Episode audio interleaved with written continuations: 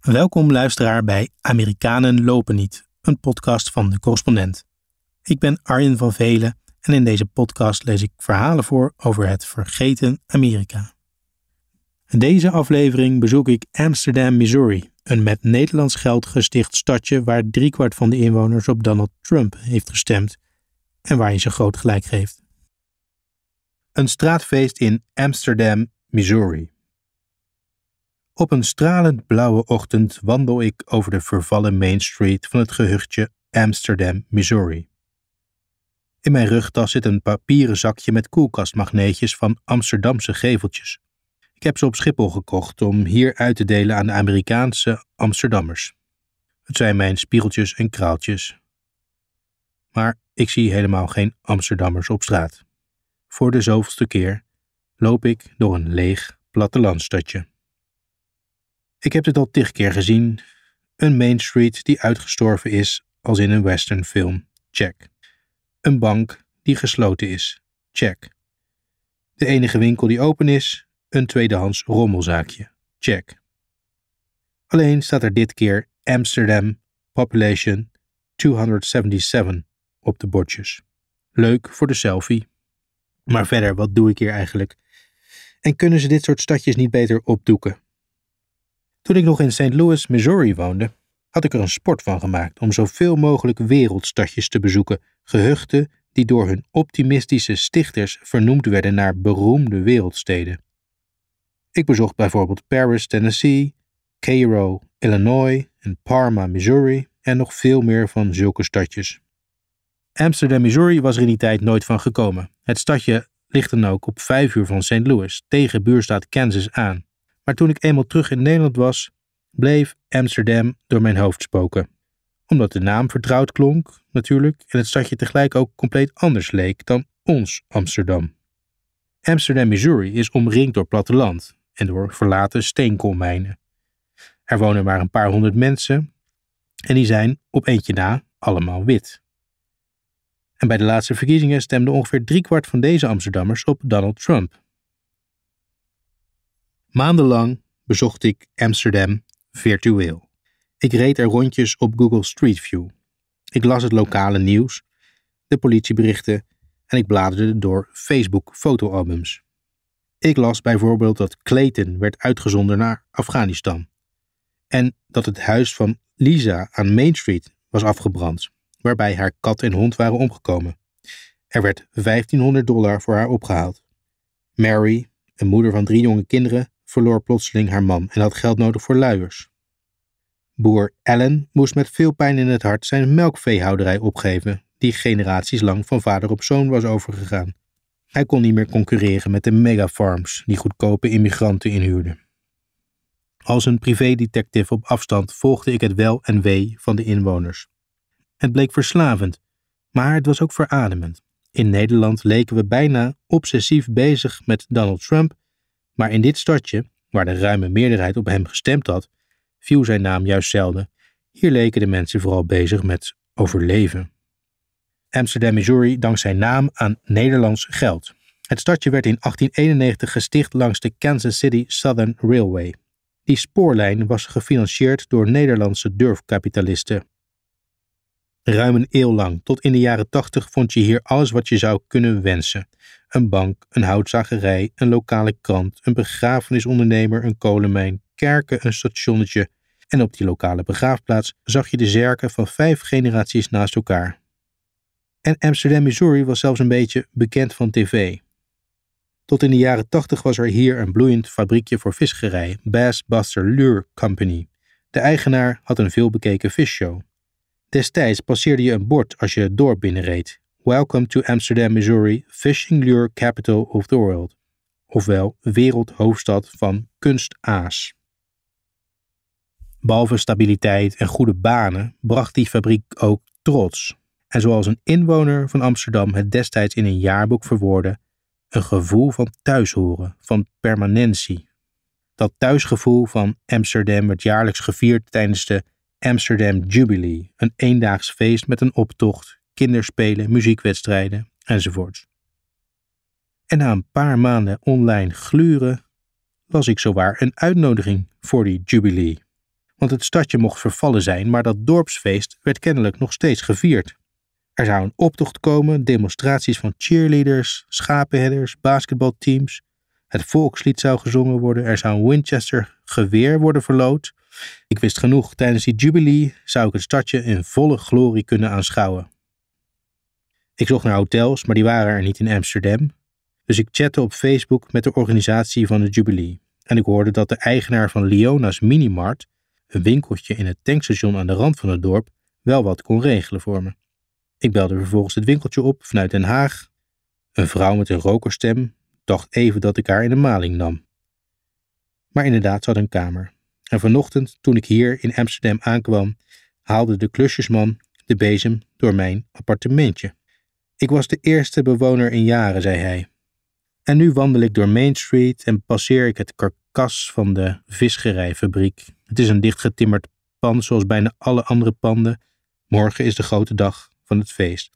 Maar zullen er wel gasten komen? Dan passeert er een auto.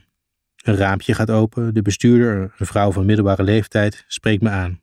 Ze vermoedt dat ik de Nederlander ben die de Jubilee komt bijwonen. Mijn komst gaat al rond op Facebook. Laura heet ze. Ze organiseert de jaarlijkse high school reunie, die samenvalt met de Jubilee. De lokale school, kleuterschool tot en met high school in één gebouw, is de trots van Amsterdam en omgeving. Die moet ik natuurlijk zien. En haar enthousiasme laat me ook weinig keus. Het schoolgebouw ligt tegen de maisvelden aan. Ik krijg een rondleiding van de vrouwelijke conciërge. De school is verrassend modern.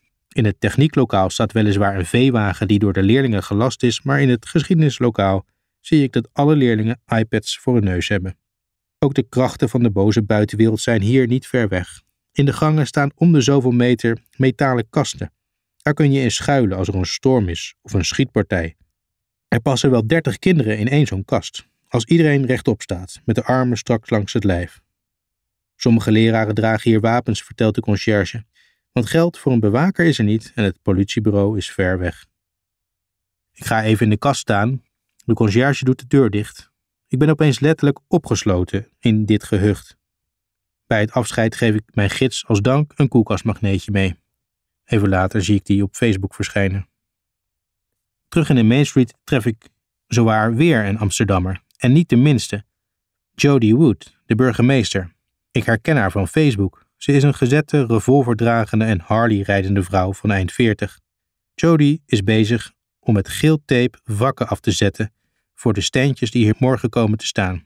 Haar man Scott, pijpfitter van beroep, helpt mee. Het stel woont nog maar een jaar of zes in Amsterdam. Hiervoor leefden ze in een grote luxe caravan. Daar reden ze heel Amerika mee door, waar er maar werk was voor Scott. Totdat ze wilden settelen. Toen er in Amsterdam een autogarage te koop kwam, hebben ze die gekocht. Jody runt er nu de boel, terwijl Scott een paar staten verder werk vond. Hij is dus vaak weg. Hun kinderen zitten in het leger, ook ver weg vaak. Omdat Jody niet van stilzitten houdt, deed ze mee aan de burgemeestersverkiezingen. Ze behaalde meteen een verpletterende overwinning met 29 stemmen. De andere kandidaat had er maar 15. En bij de volgende verkiezingen was er niet eens meer een tegenkandidaat. Burgemeester zijn is ondankbaar werk, zegt Jody. Ze is er min of meer ingeluist. I had written stupid all over my face, but it beats watching TV. Maar ze doet het werk ook uit liefde voor Amsterdam. Want ze is apetrots op het dorp. En zij niet alleen, blijkt de volgende dag. Ochtends vroeg word ik wakker van gejoel. Een groep schoolkinderen staat al klaar voor een hardloopwedstrijd, een van de eerste onderdelen van de Jubilee. De zon is nog maar net op. Op het gras ligt dauw. En als ik laatst die dag de Main Street oploop, blijkt die compleet veranderd. De stoepen staan mutjevol met steentjes. Even later lopen er al honderden mensen langs of zitten te wachten op klapstoeltjes naast koelboxen. Tientallen glimmende auto's staan er opgesteld voor een carshow. Er is rockmuziek, de geur van barbecue. Bij het treinspoor dat de Main Street doorsnijdt, vormt zich de parade. Kinderen op paarden, de opgepoetste antieke brandweerwagen van Amsterdam, veewagens en karren met schoolklassen en cheerleaders. Er staat een barbecuewagen die Patriot Burgers verkoopt. De man achter het fornuis blijkt de lokale sheriff die dit werk erbij doet om de studie van zijn kinderen te betalen. Speciaal voor het evenement zijn de treinen gestopt zodat de optocht veilig het spoor kan oversteken. Een locomotief van de Kansas City Southern Railway staat geduldig te wachten, zoals vroeger. Voor de parade gaat beginnen zingt Sarah, een fulltime huisvrouw van 34 jaar, moeder van drie kinderen, van wie de oudste 17, het Amerikaanse volkslied. En dan duurt het bijna een half uur voordat alle praalwagens, paarden, kinderfietsen, motoren voorbij zijn. Ook de burgemeester rijdt mee op haar Harley Tricycle. En ik ben werkelijk onder de indruk van die enorme stoet. En daarna volgen nog de taartenbakwedstrijd, de wedstrijd wie de mooiste baby heeft, de cheerleader-competitie, de talentenjacht, de schapendressuurshow, het vistoernooi. Er zijn foodtrucks met gefrituurd eten, standjes met zelfgemaakte juwelen, kaarsen, zeepjes. Er is een benefietmaaltijd in het dorpshuis. Er zijn plastic borden met gefrituurde kippenvleugels en kippenlevers. Op het veldje bij de Baptist Church zijn jongens van 14, 15 jaar aan het basketballen. Ik denk aan hun school, aan die benauwde kast, zouden ze later weg willen uit dit gat? Daar gaan toch zoveel romans en films over, mensen die uit hun dorp willen ontsnappen. Maar het verhaal van mensen die verkiezen te blijven, misschien wel de grote meerderheid, wordt veel minder vaak opgetekend. Nee hoor, zeggen deze jongens zelf, met diezelfde trots op Amsterdam die ik eerder bij ouderen zag. Ze willen hier helemaal niet weg.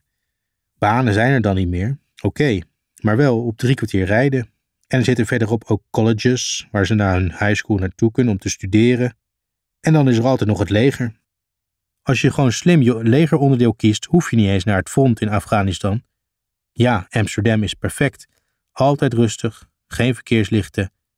Ik vraag wat het grootste misverstand is over hun stadje. That we're all stupid here, zegt een van de jongens. De man die mijn appartement heeft schoongeveegd zit met familie en vrienden op klapstoeltjes voor zijn huis aan Main Street. Het 19e-eeuwse huis blijkt het oudste van Amsterdam. Het heeft hem maar 5000 dollar gekost. Ik maak een praatje, vertel wat ik hier doe en zeg dat ik morgen doorrijd naar St. Louis. Arme jij, zegt hij. St. Louis, dat is een oorlogsgebied. Waarom zou je daar in vredesnaam naartoe gaan? Hij vertelt dat hij als vrachtwagenchauffeur daar eens is overvallen door drie zwarte jongens. Dit is van de laatste keer dat ik in St. Louis was, zegt hij, en hij toont het litteken van een schamschot op de witte huid onder zijn shirt. Als de avond valt, gaan de festiviteiten door. De oude bioscoop op Main Street wordt uit de mottenballen gehaald, er is weer een filmvertoning. Main Street zelf wordt omgetoverd tot een dansvloer. Een band speelt oude rocknummers. Summer of 69 schalt over Amsterdam. Kinderen verkopen lichtgevende armbandjes en limonade. Zelfs de ouderen dansen mee op straat. Ik denk aan een krantenknipsel dat ik eerder vandaag vond in het lokale museum. Het was geschreven in de jaren 30, toen Amsterdam nog een eigen dagblad had, de Border Banner. Hail the small town, zo luidde de voorpagina. Het artikel ging over de minachting van stadsbewoners voor het platteland. En dat sinds de crisis de rollen waren omgedraaid, want in de stad was er geen werk meer.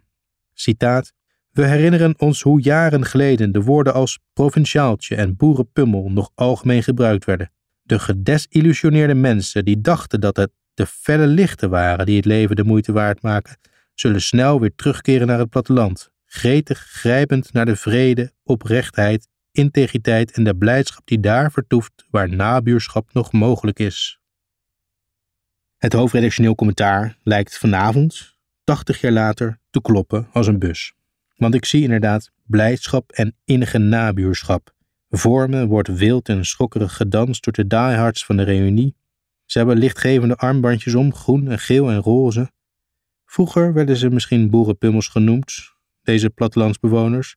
Tegenwoordig misschien deplorables. Maar vanavond is deze straat van hen en ze zullen het laten weten ook. Ze willen dansen tot de dode stenen leven. Diane, die de parade organiseert, geeft me een oranje t-shirt met een windmolentje erop en de tekst Amsterdam Strong. Een souvenir, zegt ze. Ik wil haar een koelkastmagneetje geven als dank voor de gastvrijheid, maar ik ben inmiddels door mijn voorraad heen geraakt. Zoveel hartelijke Amsterdammers heb ik ontmoet. Dan stelt Diane me voor aan de bankier van het stadje, die bijna alle panden in Main Street heeft opgekocht. Een notabele. Ik heb geluk, zeg ik tegen de bankier terwijl we vanaf de stoep naar de festiviteiten kijken. Dit moet wel het grootste evenement van het jaar zijn. Het enige evenement, corrigeert hij. Wat je nu ziet is een huls. Hij gebaart naar de gevels. Als je het nuchter bekijkt is deze stad dood. En weer hoor ik het verhaal van zoveel andere stadjes hier. De Walmart kwam, de winkels gingen weg en ze zullen niet meer terugkomen. Dat veel van die stadjes zo vervallen zijn, komt inderdaad mede door bedrijven als Walmart, die kleine familiebedrijfjes wegconcurreert. Het bedrijf laat veel producten niet in Amerika zelf maken, maar daar waar het goedkoop kan. In China bijvoorbeeld. Vandaar dat je bijvoorbeeld geen fabriekje voor visgerij in Amsterdam ziet. Het heeft de eigenaren van Walmart, de familie Walton, in elk geval duizelingwekkende rijkdom gebracht. De zes meest vermogende leden van de familie bezitten samen meer dan de laagste 40% van alle Amerikanen. De band speelt intussen Johnny B. Good van Chuck Berry. Halverwege over een drumsolo heen vraagt de zanger applaus voor een marinier in het publiek, die even terug is met verlof.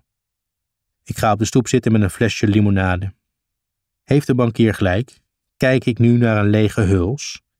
Is Amsterdam deze nacht een Potemkin-dorp? Is dit een feest om de stad te vieren of om een stad te betreuren, een stad die al lang niet meer bestaat? Ik vraag de bankier of het klopt dat hij bijna alle panden in Main Street heeft opgekocht. En het klopt. Maar waarom dan, vraag ik. Het lijkt me een slechte investering. Tough question, zegt hij. Omdat ik het zelf belangrijk vind dat het bewaard blijft. Zijn vader was hier al bankier. Hij voelt zich verbonden met de plek. En de bank zit er al sinds 1926. En, zegt hij, het is een hechte gemeenschap. En dan zegt hij pijnzend, je weet nooit, misschien dat er ooit technologische of maatschappelijke veranderingen komen, waardoor dit weer een aantrekkelijke plek wordt. Zelf heeft hij de daken van de bakstenen panden die hij bezit met metaal laten bekleden, zodat ze in elk geval niet verder vervallen zullen raken en nog makkelijk 40 jaar mee kunnen zonder al te veel onderhoud. Amsterdam als een lichaam, denk ik, een bevroren lichaam dat wacht totdat de techniek zo ver gevorderd is dat het weer tot leven kan komen. En zo dwaas is die gedachte niet. De jubilee druipt van de nostalgie, zeker. Maar wat is er mis met weemoed naar een tijd die inderdaad beter was? Een tijd toen er hier nog fatsoenlijke banen waren. En kan die tijd echt niet worden teruggedraaid? Is het echt zo'n absurd verlangen om hier weer één fabriekje voor visgerij neer te zetten, zoals vroeger, in plaats van die hengels te laten maken door kinderhanden in Azië? De afgelopen jaren zag ik zoveel kapotte plattelandstadjes dat ik bijna ging denken dat het een natuurverschijnsel is. Stadjes sterven nu eenmaal. Opdoeken die hap. Maar sterven ze een natuurlijke dood? Nee.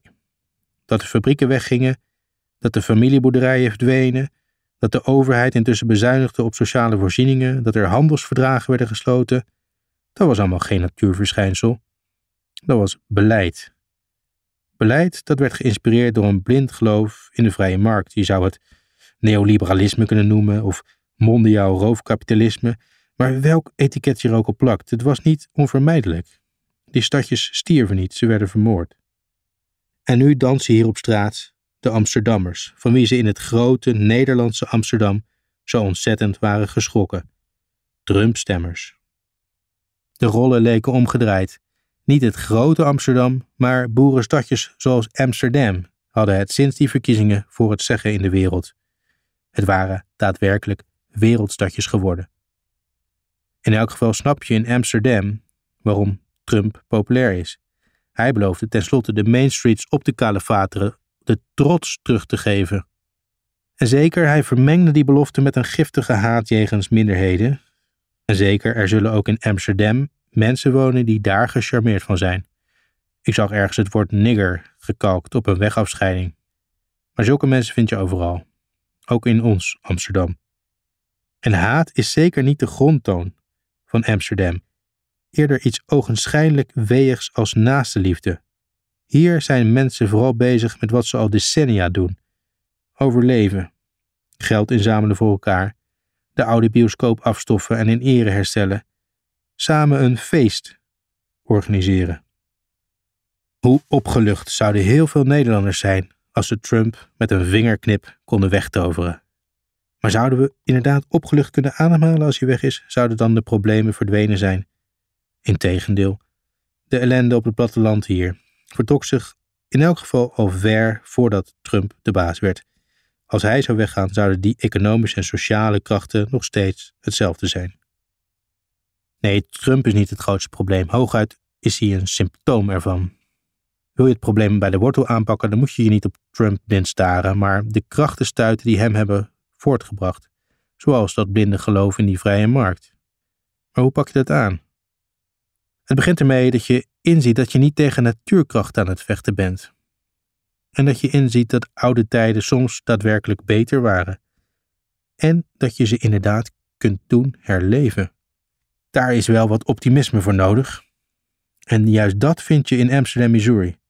Juist waar de nood het hoogst is, vind je ook de grootste veerkracht. Ook dat is een constante tijdens veel van mijn eerdere tripjes naar wereldstadjes. En dit optimisme, daar ben ik wel van overtuigd geraakt, is meer dan een wanhopige façade, meer dan een naïef wensdenken. Je zou het zelfs een vorm van verzet kunnen noemen. Terwijl de rock'n'roll doorgaat en ik aan mijn rietje zuig, krijg ik zowaar heimwee naar een plek waar ik nooit eerder ben geweest. Het gevoel is sterker dan de oppervlakkige jaloezie die een stadsbewoner kan voelen als hij ook eens in een dorp komt. De Amsterdammers bezitten iets wat ik zelf nauwelijks nog heb. Noem het een sense of place, een verbondenheid met de grond waar je voorouders woonden. Wat voor mij de middle of nowhere lijkt, kapotte gebouwen, is voor hen heilige grond. En als er één ding is waar die vermalendijde vrije markt niet zo van houdt, dan zijn het mensen met sterke wortels. De vrije markt wil het liefst grenzeloze mensen, mobiele, flexibele mensen. De vrije markt floreert daar waar mensen los zand zijn. Hier op dit straatfeest geven ze dat gedachtegoed in elk geval een dikke vinger. Dit dansen is juist een ode aan wortels, een love fest, een straatprotest. Op deze avond in Amsterdam zie ik hoe je een Main Street tot leven wekt, maar dan zonder haat.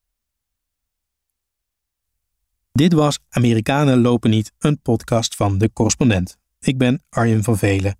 Wil je meer verhalen vanuit het hart van Amerika? Lees dan mijn gelijknamige boek Amerikanen lopen niet, uitgegeven door de correspondent.